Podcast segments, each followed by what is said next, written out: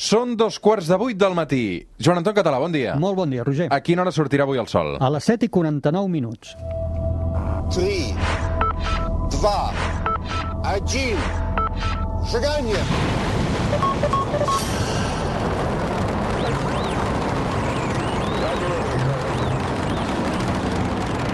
One small step for man.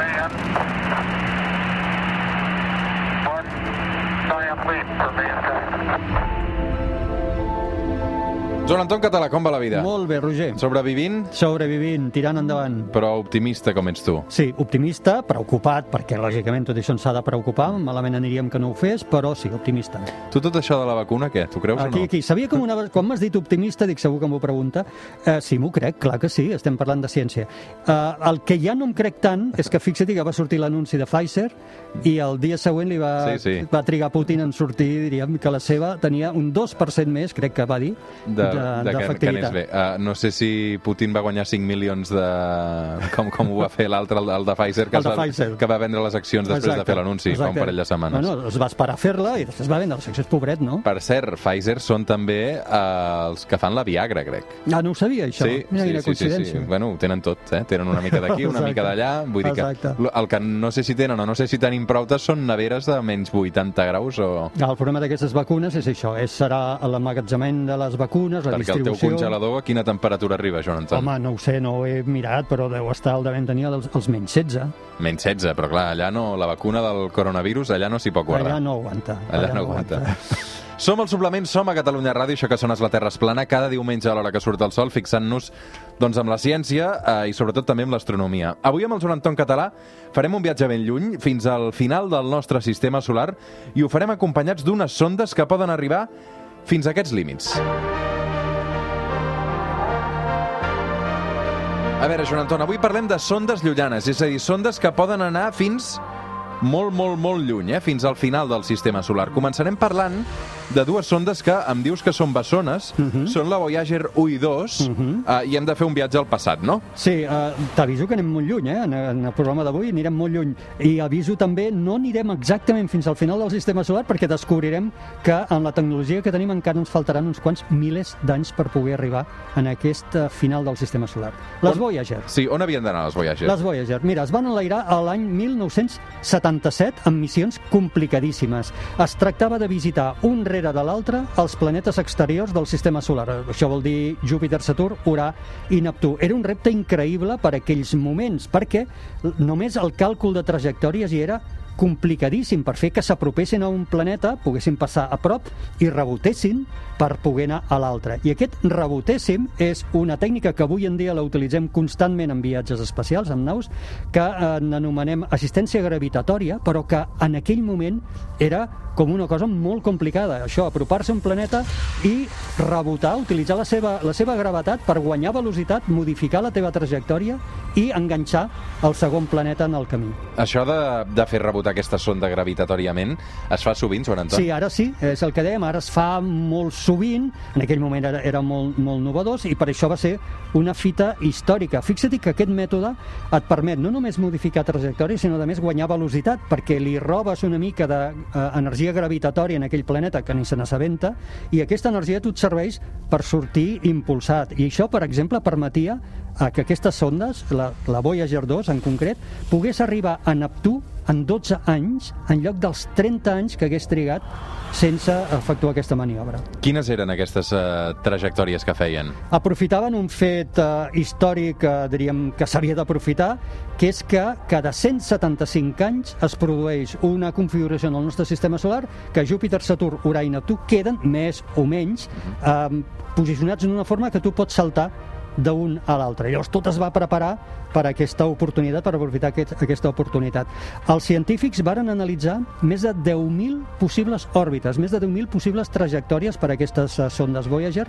Abans no van seleccionar les dues òrbites finalistes, els dos camins, per una i per l'altra. En concret, la del Voyager 1, el camí del Voyager 1 el duria primer cap a Júpiter, enganxaria Io, aquest satèl·lit que alguna vegada hem comentat de Júpiter, eh, i després es rebotaria cap a Saturn, enganxant també el seu satèl·lit més gran, Tità i finalment sortiria disparat cap a fora del sistema solar. En canvi, la Voyager 2 passaria, fixa-t'hi, per Júpiter, Saturn, Urà i Neptú. Els enganxaria als quatre i després també es dirigiria cap a fora del sistema solar.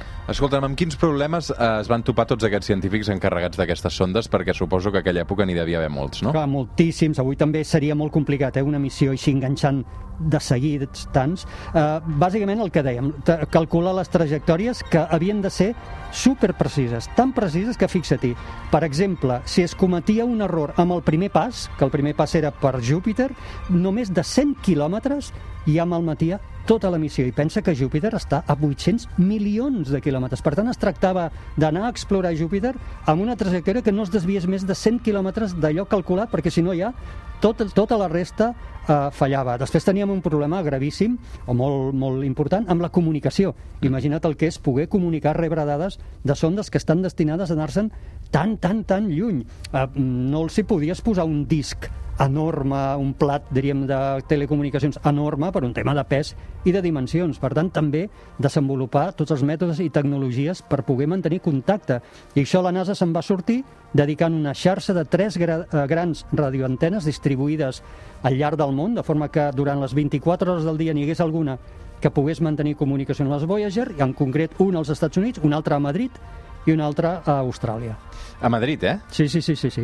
Uh, on, on, o sigui, No ho sé segur, a veure, no sé exactament... no, no era el punt aquell que vam visitar fa un parell d'anys quan... Quan lo de l'home a la lluna. Eh, Em surt Fresnedilles de la... Sí, Fresnedilles de la Oliva, Sí. eh, que és aquella estació eh, espacial al- a tocar de Madrid que, que des d'on és d'on d'on van inspeccionar d'alguna manera el viatge de l'home a la lluna per primera vegada, que el van visitar a la Sí. primera temporada del suplement fa un parell d'anys. No estic segur, no estic segur que sigui exactament aquest punt. Podria ser-ho, eh? però no, no n'estic segur d'això. Som al suplement, som a Catalunya Ràdio, avui amb el Joan Anton Català parlant de les sondes Voyager o també les sondes llunyanes. A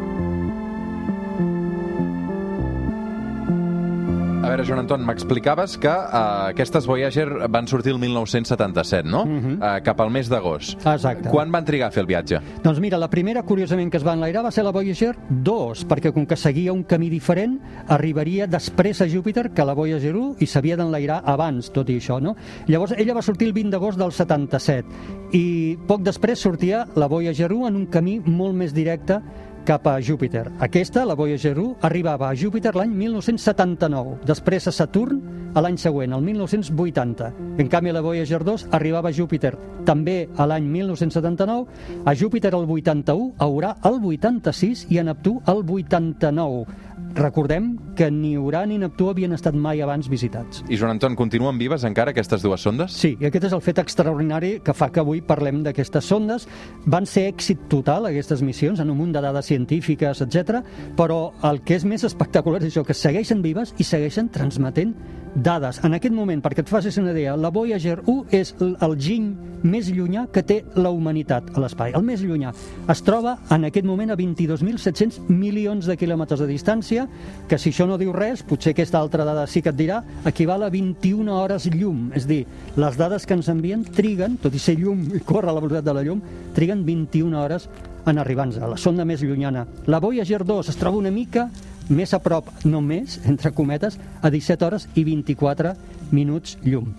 El que també és molt destacable és que les dues sondes van sortir d'una regió del sistema solar que eh, coneixem com heliosfera, que és la regió on domina el vent solar. Això a vegades eh, genera confusió perquè la gent diu ah, ja han sortit del sistema solar. No, no han sortit encara, però sí que han sortit d'aquesta bombolla enorme que és la zona d'influència del vent solar. I han sortit, una va sortir, crec recordar, el Voyager 2, mireu, va sortir el 2018 i la Voyager 1 va sortir a l'any 2012, d'aquesta bombolla on domina el vent solar.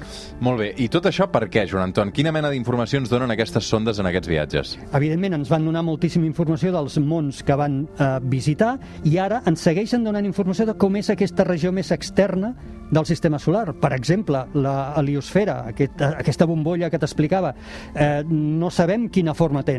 Ja ens imaginàvem que no seria una bombolla perfectament simètrica. Doncs, evidentment, ens han conformat que no és simètrica, ens han pogut mesurar la densitat que té el vent solar en aquestes regions tan, tan eh, extremes, etc. És dir, ens segueixen enviant dades que des del punt de vista científic són superinteressants. I aquesta informació nostra que contenen, eh, també la utilitzen en aquest viatge? Eh, algú potser la utilitzarà algun dia. Porten dos discos eh, recoberts d'or amb missatges dirigits cap als CTs, eh? cap a civilitzacions que algun dia puguin recollir aquestes ondes. Porten una cançó de ACDC. Quasi, quasi. Sí, sí, sí, ja veuràs. Porten, mira, aquí ho tinc anotat. Porten sons i missatges de la Terra gravats amb 55 eh, llengües i, evidentment, un missatge de veu del secretari general de l'ONU, que en aquells moments era el Kurt Waldheim. Porta una selecció de música, atenció, de diferents estils veus? i cultures. Sí, a veure, sí. a veure, a veure, que, que Mira. els extraterrestres què ens sentiran? Mira, n'he anotat algunes. Uh, la Melancholy Blues de Louis Armstrong. Boníssima. Boníssima. El concert de Brandenburg número 2 de Bach. Per si els agrada la clàssica, no? Sí, porten la consagració de la primavera de Stravinsky i la cinquena de Beethoven. Molt bé. Està molt bé. Molt bé, molt I bé. ara, la cosa que potser la gent tampoc no coneix és que Sagan, Carl Sagan, Sí. que era el director de a veure què havien de contenir aquests discs, va dir, home, els Beatles, anem de posar una dels Beatles, i va decidir que aniria Here Comes the Sun. Exacte, com està sonant molt bé, ens l'han posat ara. Doncs què passa? Que la discogràfica ho va rebutjar i tot i que els Beatles estaven d'acord, però ells ja no tenien els drets, finalment no es va poder posar aquesta cançó i hem privat els CTs de poder gaudir-ne. Doncs uns quants anys després, que soni, 40 anys després, que soni Here Comes the Sun.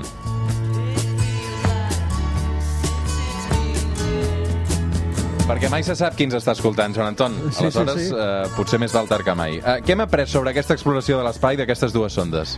Uh, D'entrada hem, hem après a com fer aquests rebots, eh? a com corregir trajectòries, a com calcular uh, les assistències gravitacionals, que són aquestes, uh, aquests camins que van primer a un planeta i reboten cap a, a l'altre. També hem après que les sondes es poden marejar.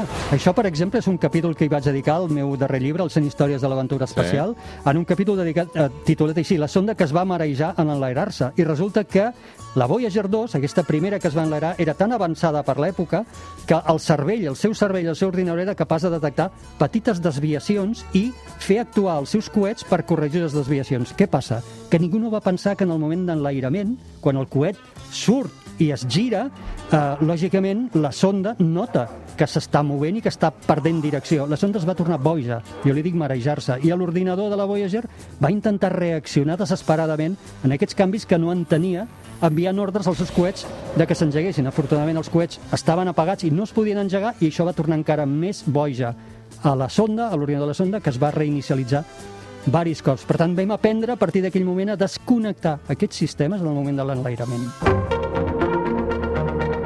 Avui al suplement de Catalunya Ràdio amb el Joan Anton Català parlant d'aquestes sondes espacials llunyanes que eh, doncs, tenen un munt d'informació sobre nosaltres i porten un munt d'informació eh, també eh, més enllà del, del planeta Terra. Eh, hem arrencat amb aquestes dues eh, sondes bessones, les Voyager, però en tenim més, no? Sí. Amb les Pioneer. Eh, quan es van enlairar?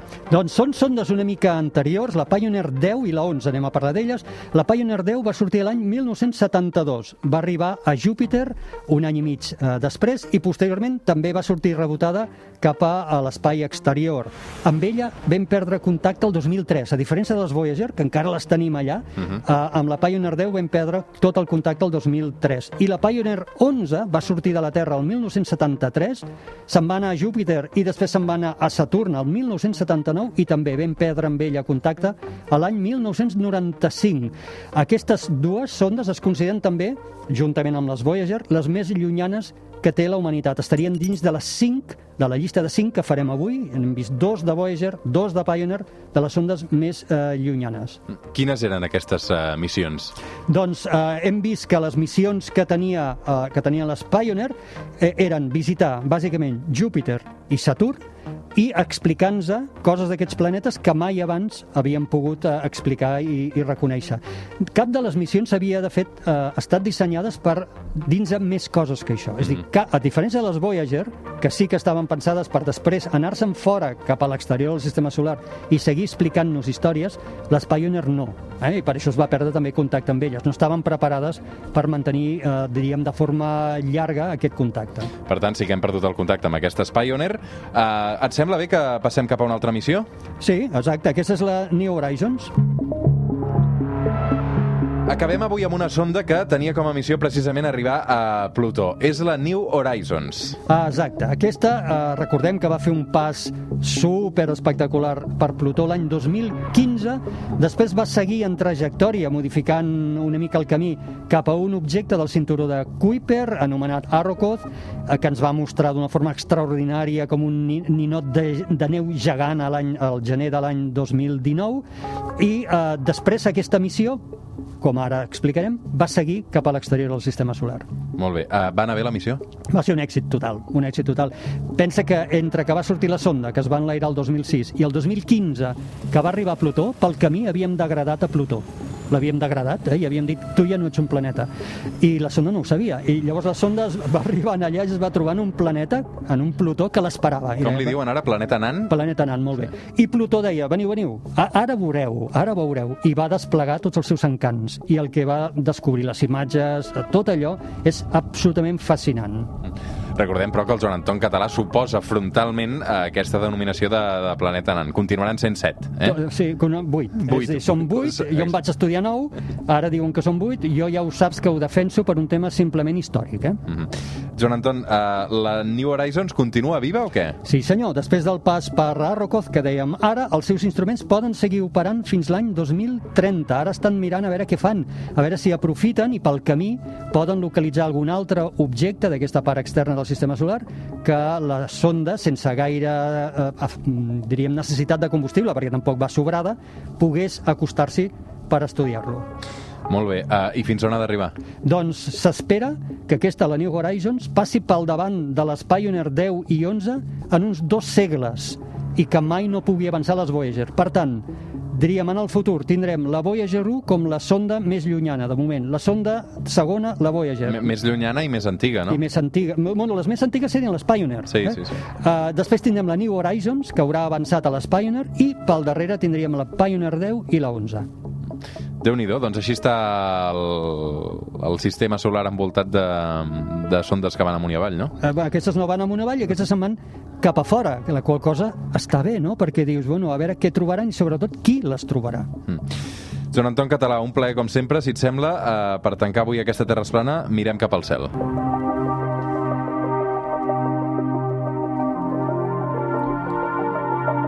Tenim Júpiter i Saturn que es continuen ajuntant, no?, a poc a poc? Sí, a poc a poc, ho havíem comentat la setmana passada i de fet ja ho portàvem comentant una, unes quantes setmanes. Recordem que el 21 de desembre se situaran pràcticament un sobre de l'altre, estem parlant d'un efecte purament visual, de perspectiva, i no els podrem separar a, a ull nu, diríem. Això no passava, aquest apropament no passava des de l'any 1613, d'un apropament tan, tan clavat com aquest. I amb, amb, a la vista ja serà magnífic perquè veuràs un objecte brilla molt, amb prismàtics els aconseguiràs separar i amb telescopi petit la visió pot ser espectacular.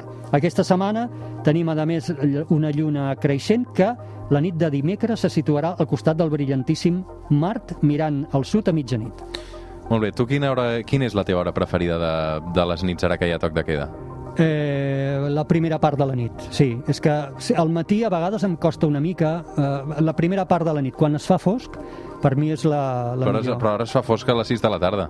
Bueno, sí, ja, ja ho hem O comentat moltes vegades. No, home, no. A les 5 no... A les 5 ja, ja està, ja, no, ja no. està tot fet. No, al revés, és que queda molt de dia al davant. Fixa't la quantitat de coses que es poden fer a partir de les 6, que es fa fosc, dos quarts de set, que és mirar el cel. I la millor hora per mirar el cel?